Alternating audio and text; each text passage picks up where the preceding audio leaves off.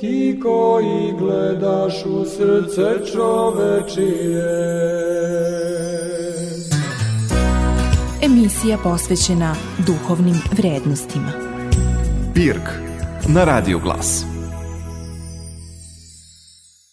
Pomaže Bog, poštovani slušalci. U najnovijem izdanju emisije Pirk emitujemo audio zapis katiheza o biblijskom, pravoslavnom i svetotačkom poimanju Boga kao svete trojice, za čije definisanje je među svetim ocima naročito bio zadužen upravo sveti Vasilije Veliki.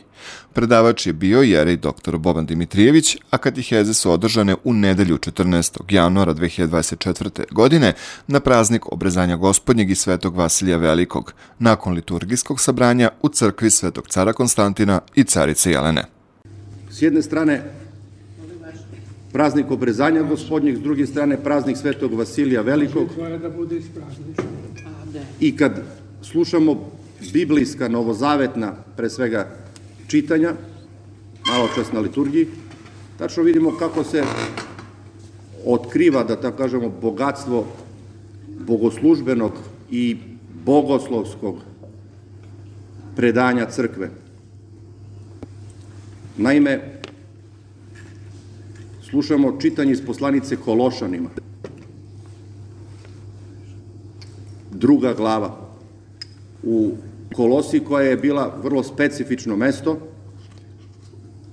po tome što je bilo mnogo, da tako kažemo, različitih filozofskih nastrojenja učitelja ovog i onog pravca, pa bilo i mnogo hrišćana. Jedna od ranih crkvenih zajednica koja je formirana u Kolosi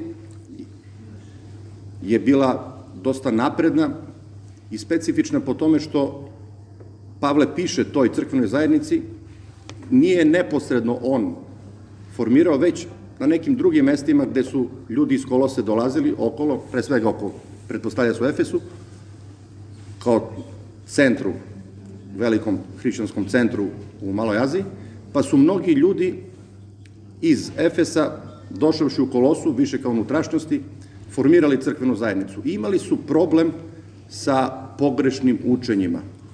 Naime, mnogi su pokušali da Hristovu ličnost, tajnu Hristove ličnosti, smeste onako u ljudski okvir, u ljudsku logiku i neki od njih su u svom tom filosofiranju negirali Hristovo božanstvo. Više su govorili o Hristu kao nekakvom stvorenom duhovnom biću, nego li kao Bogu. A to je u stvari temeljni dogmat, temeljno učenje crkve. Da je Bog postao čovek, da bi čovek postao Bog po blagodati. I apostol Pavle pobuđen brigom za ovo i ovakvo učenje crkve, odnosno za ispovedanje vere u Hrista kao Boga, piše poslanicu Kološanima u kojoj između ostalog koristi neke stihove koji su postali i deo ranohrišćanskog bogosluženja. Ovo što smo danas slušali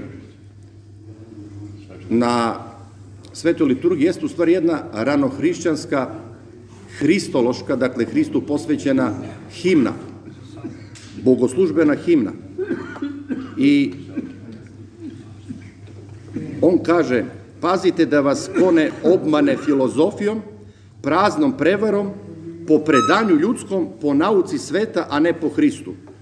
To je druga glava, osmi stih. On namjerno naglašava to predanje ljudsko, filozofija ljudska, a ne po Hristu.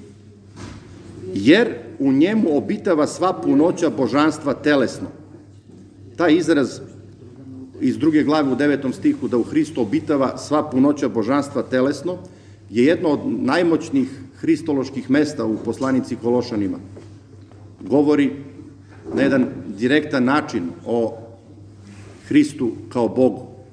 Dakle, da u Hristu, na telesan način, dakle u njegovom telu, kroz njegovo telo, kroz njega kao čoveka,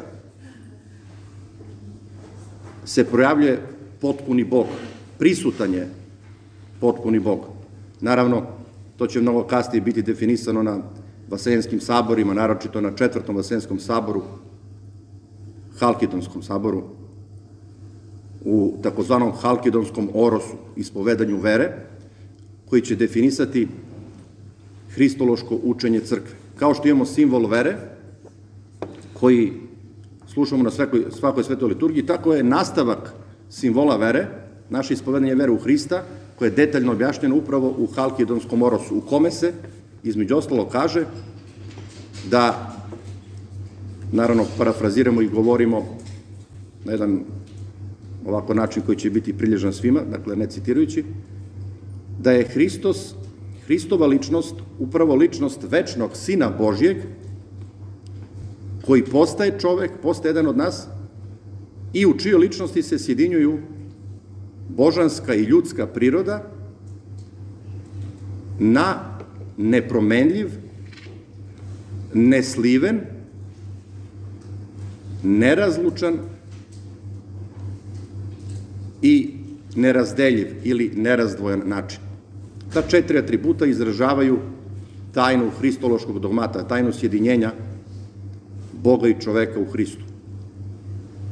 S jedne strane, nepromenljivo i nesliveno, što znači da kada Bog postaje čovek, kada Sin Boži postaje Sin čoveči, ne menja se, ne prestaje da bude Bog, niti kada postaje čovek, ljudska priroda ne biva takva da nestaje kao kap u moru u sidinjenju sa božanskom, ne biva ugušena od božanske. Zato se kaže da je sidinjenje božanske ljudske prirode u Hristovoj ličnosti nepromenljivo i nesliveno. Dakle, ne dolazi do smešanja prirode, ne dolazi do promene ljudske u božansku ili gubitka ljudske u božanskoj, ili pak da time što Bog postaje čovek osiromašuje u smislu da prestaje da bude Bog. Ne. Način tog sidinjenja je takav da i jedna i druga priroda očuvavaju svoja svojstva, odnosno svoju posebnost. Ali sa druge strane su božanska i ljudska priroda, iako su zadržale svoja svojstva, dakle, ostale božanska i ljudska, ipak toliko prisno sjedinjene da je to njihovo jedinstvo, jedinstvo Boga i čoveka u ličnosti Hristovoj, jedinstvo ljudske božanske prirode u Hristovoj ličnosti, takvo da se naziva nerazdeljivim i nerazlučnim.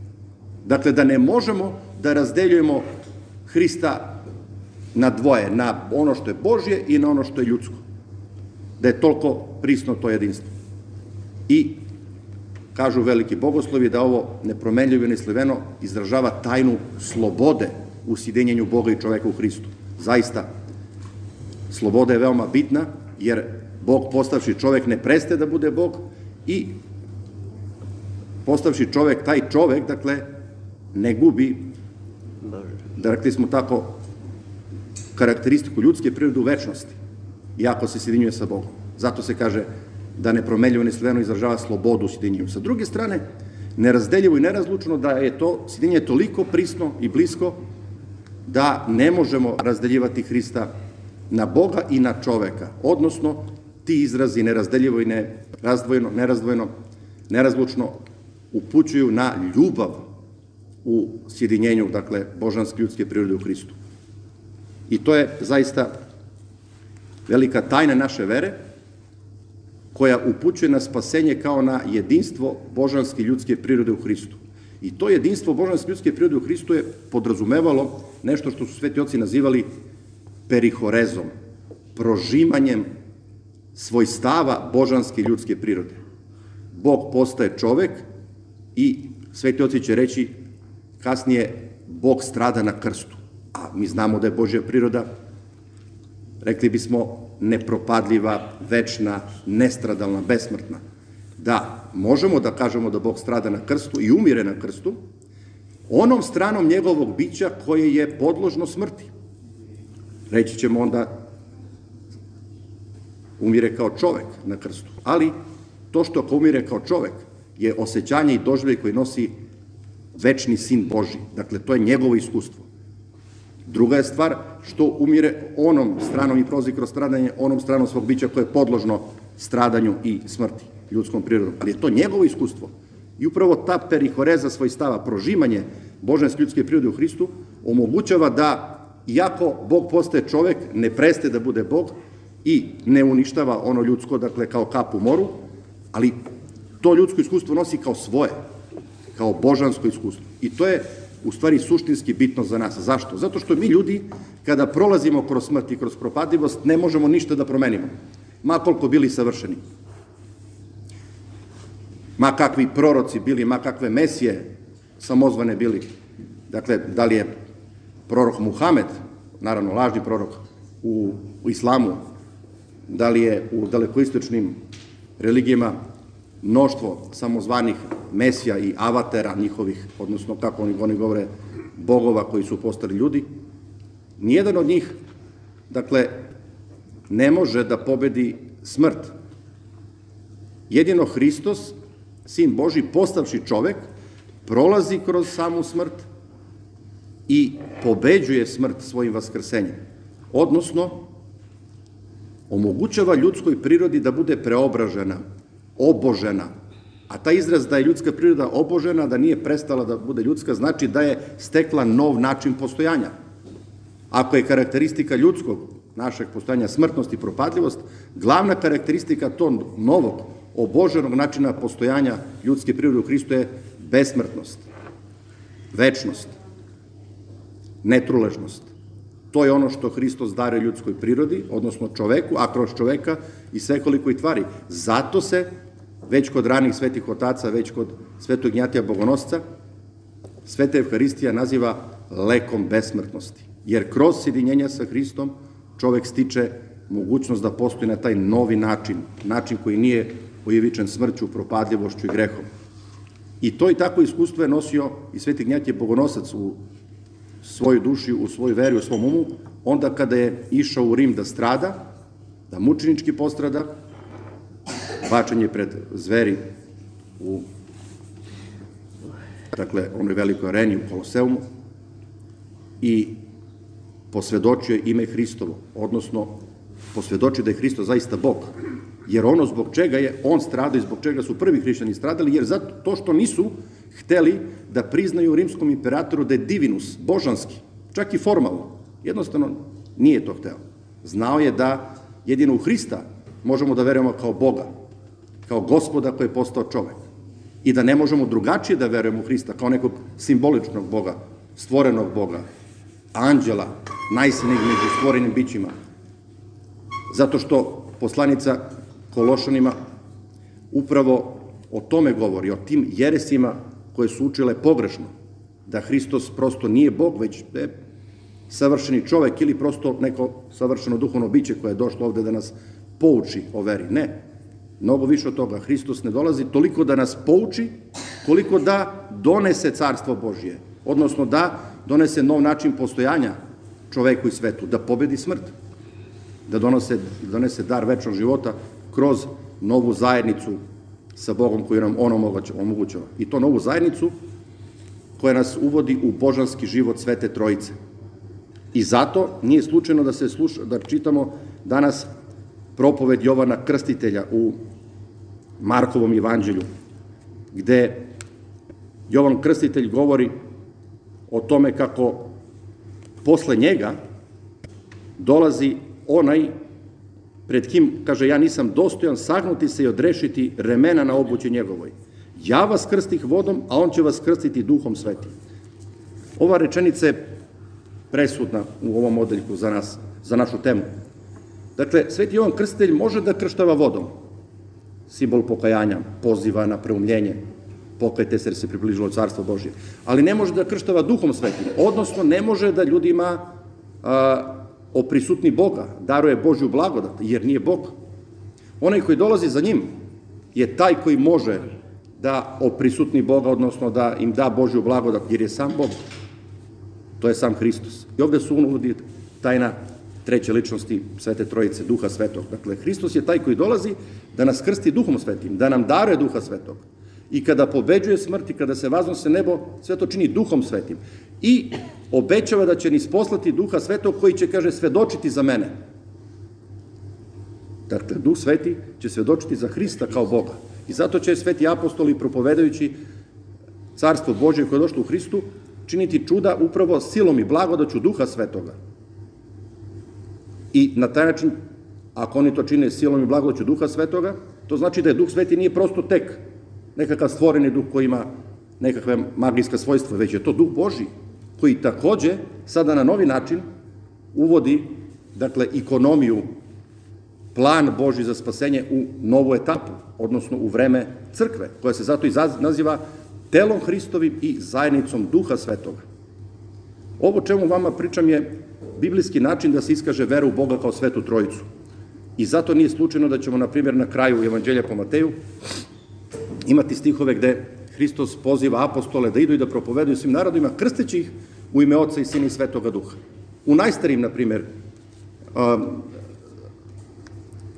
sačuvanim primjercima Svetog pisma, naravno ne u, u, u punoći, već odeljcima koji su najstariji sačuvani, nema tog odeljka. I ti krstite svim nar sve narode u ime i Svetog Duha. Zašto? Zato što je zaista to interpolacija.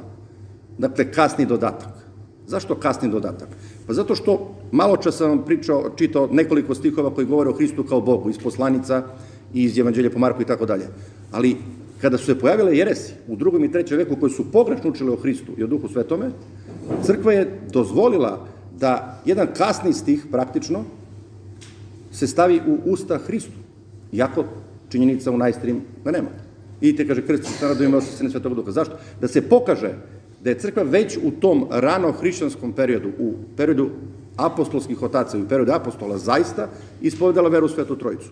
I zato nije smatrala da je ta interpolacija pogrešna, jer je zaista na jedan novi način, kroz imenovanje Boga kao Oca, Sina i Svetog Duha, iskazivala tajnu Boga kao Svete Trojice. Čak izraz Sveta Trojica nemate u Svetom pismu.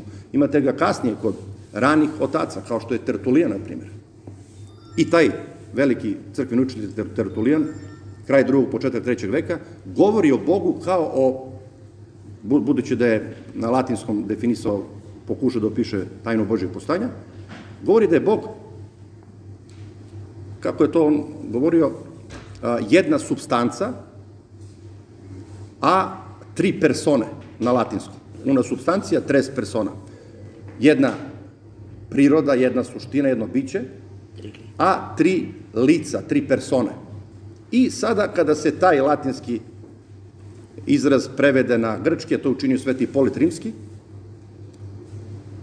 to zvuči kao ova, ovaj izraz substancija se prevodio izrazom ipostasis, ipostas, i onda se prevodi kao mija ipostasis, jedna ipostas, trija prosopa, taj izraz persona se prevodio kao prosopa, prosopon. Jedna ipostas, a tri prosopona, tri prosope. Međutim, međutim, taj izraz, jedna ipostas, a tri prosopona, je vrlo problematičan. Zato što je na istoku postoje jedan učitelj, koji je pao u Jeres, dvojica zapravo Savelije i Pavle Samosadski, koji su govorili o tome da Bog tokom vremena uzima različite uloge. A prosopon je izraz koji se koristi u pozorištu za ulogu.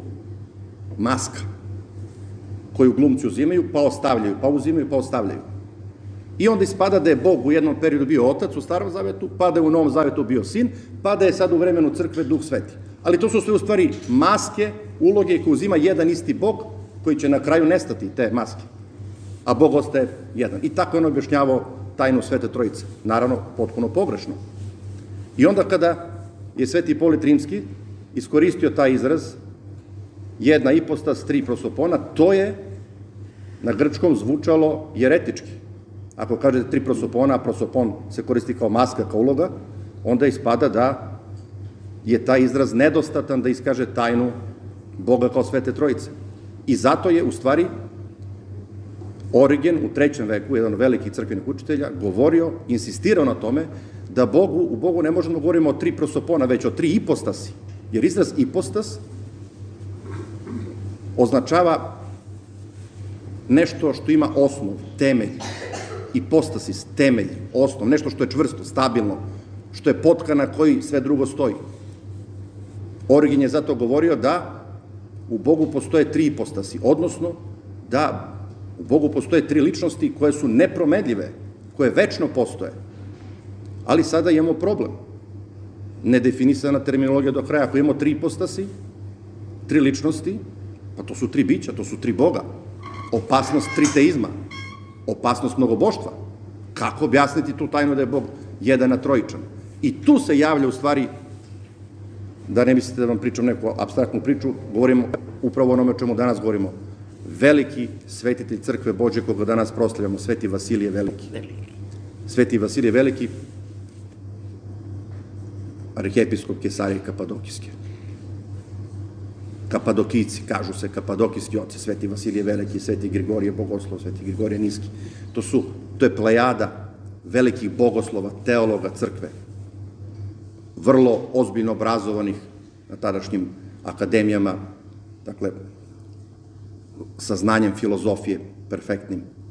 Te su oni iskoristili to svoje filozofsko znanje, izrazili crkveno učenje o Bogu kao Svetoj Trojici i ove probleme koje smo sad spomenuli, problem triteizma mnogoboštva, da ispadne da imamo tri Boga, ili problem shvatanja Boga kao jednog, a da ne postoje otac ni sveti duh, da su to prosto maske jednog abstraktnog Boga, kako iskazati tu tajnu da je Bog jedan na trojičan, Sveti Vasilije Veliki upravo vrši tu revoluciju u terminima. Odnosno, menja sadržaj terminima grčke filozofije. Daje im nov sadržaj. Kakav sadržaj? Pa on je pre svega odvojio, budući da su da izraz ipostas imala ne sinonime, ali izraze sa kojima je išla, korespondirala. Usija, suština, ipostasi su se zajedno koristili i fizis, priroda. Dakle, sadržaj bića, nešto od čega je nešto sastavljeno. To su bili izrazi koji su, išli, išli su zajedno, značavali su isto. I postasi temelj, sadržaj nečega, osnova svega usija, suština, kao i fizis, priroda bića.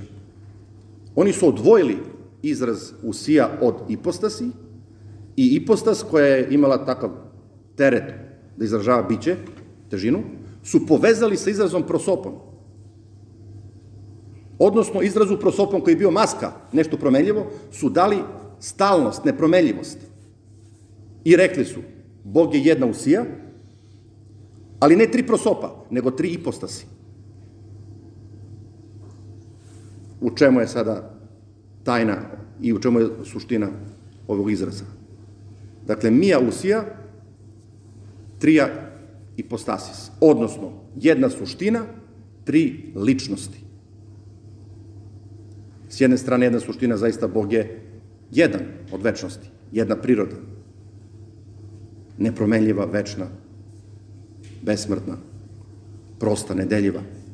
Međutim, i čovek je jedna priroda. Svako od nas ima istu prirodu, bez obzira da li imamo jednu ruku više ili manje, da smo u nečemu deficitne. Prosto ljudska priroda je ljudska priroda, takva kakva jeste. I svi imamo, ali svako ima deo ljudske prirode. Ne nosimo celu ljudsku prirodu.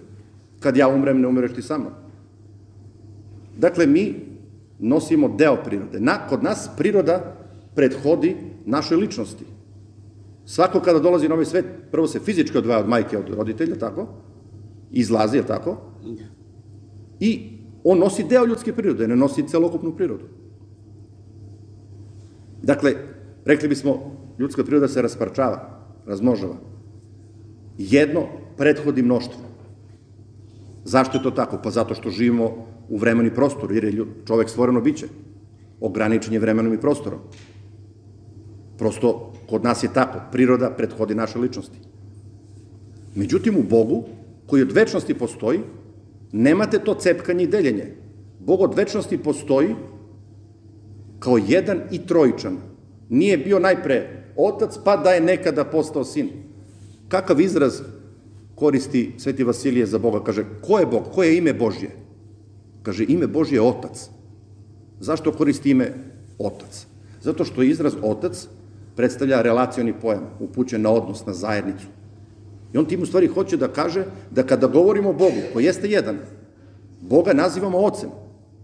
I time ukazujemo da taj Bog koji je jedan, u isto vreme je i relacijono biće, odnosno biće. Njegova suština je takva da postoji kao odnos, kao zajednica.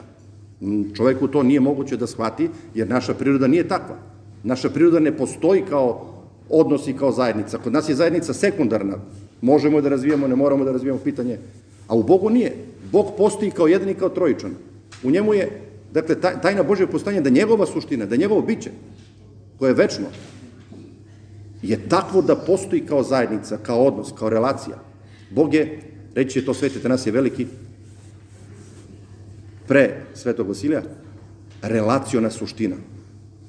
I to je u stvari filozofska novost koju nismo imali nikod stari Grka, niti kasnije ikada u filozofiji. Da Boga definišemo kao jednog i kao trojičnog. Odnosno, da je Bog jedan po suštini po prirodi, a trojičan po ličnostima. Odnosno, trojičanje, a šta je ličnost? Ličnost je način postojanja, način na koji postoji ta Božja priroda. Dakle, Bog jeste jedan, ali način njegovog postojanja je takav da je on trojičan, da je Otac, Sin i Duh Sveti. Odnosno, način postojanja te božanske suštine je takva da ona u stvari relacijona, odnosna, podrazumeva zajednicu u isto vreme. I to je velika tajna koja je podarena čoveku. Dakle, ako je večnost Božja takva da Bog nije, da Bog jeste jedan, ali da nije sam, da je večnost Božja, besmrtnost Božja takva da podrazumeva zajednicu, onda i čovek, ako hoće da bude večan, mora da bude sličan Bogu.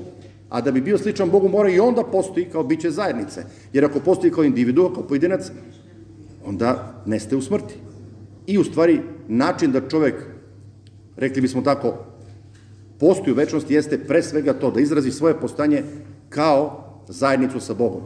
Zato je bitno da slobodu shvatimo ne prosto kao izbor, jer izbor može čovjeka da dovedi do smrti, živiti bez Boga mimo Boga, već slobodu treba shvatiti na jednom stepenu kao izbor, ali nužni izbor. Zašto, zašto kažem nužni izbor?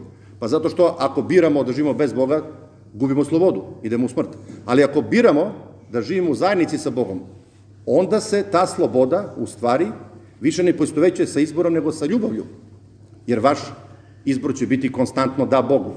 Sloboda se poistovećuje sa ljubavlju, odnosno sa postojanjem. Jer jedino na taj način možemo da postojimo u zajednici sa Bogom. A Bog od večnosti tako postoji, što se u njemu sloboda poistovećuje ne sa izborom, nego sa ljubavlju. Otac od večnosti hoće, želi i rađa sina i ishodi duha svetoga. I obrnuto, sin od večnosti prihvata i ima oca i duha svetoga. I duh sveti od večnosti, dakle, prihvata ljubav Boga oca i sina Božjeg i postoje u savršenoj zajednici ljubavi. Kod njih se sloboda i ljubav poistoveću. Rekli bismo tako, u Bogu sloboda nije pitanje izbora, jer Bog nije imao šta da bira, ništa mu nije predpostojalo. Kod nas, kao stvorenih bića, sloboda zaista polazi od izbora. Prosto mi smo bačeni u pustanje. Nužno je da imamo nekakve izbore. Ali to znači da ujedno naša sloboda nije savršena. Da bi bila zaista istinska sloboda, ona kroz izbor mora da dođe kroz pravi izbor, a to je znači izbor da Bogu, zajednici sa Bogom, da dođe da se poistoveti sa ljubavlju prema Bogu, a kroz to poistovećenje ona postaje sloboda koja podrazumeva večno postojanje. Tek onda, dakle, možemo da govorimo o istinskoj slobodi kad smo slobodni od smrti. A da bi tako nešto bili, mora da slobodu poistovetimo sa ljubavlju prema Bogu, a ne sa prosto tek izborom, jer neki izbori mogu da nas vode od Boga i mimo Boga. Zato je, u stvari, rekli bismo tako, shvatanje slobode u crkvi ontološko, suštinsko, tiče se postojanja ili nepostojanja. Dok u životu običnog čoveka sloboda to nije. Sloboda je prosto stvar izbora, da činimo ovo da činimo ono. I uglavnom su ti izbori takvi da nas vode od Boga. I u stvari čovjek ima samo utisak slobode. Daleko od toga da je slobodan. Sveti oci su to mnogo da stavne rekli kroz asketiku. Čovjek robuje strastima, pogrešnim izborima, lutanju, odlaženju od Boga. I sa druge strane, nije slučajno što se post definiše kao hrišćanski način života par excellence. Prosto kroz post, naravno, najmanje govorimo o hrani, nego o pogrešnom vezivanju za stvari ovoga sveta, se čovjek vežba da bude takav, da mu identitet bude uvek u Bogu, u ljubavi prema Bogu.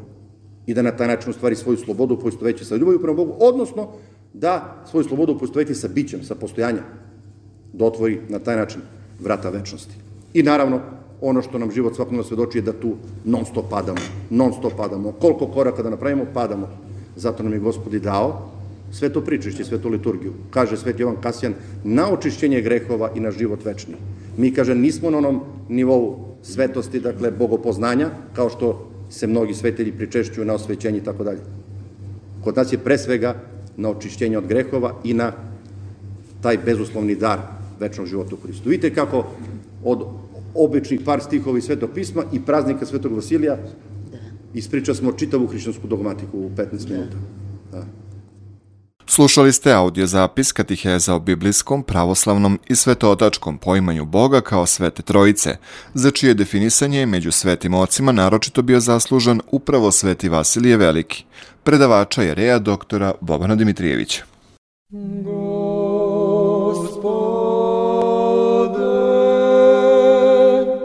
Ti koji gledaš u srce čovečije. Emisija posvećena duhovnim vrednostima. Pirk na Radio Glas.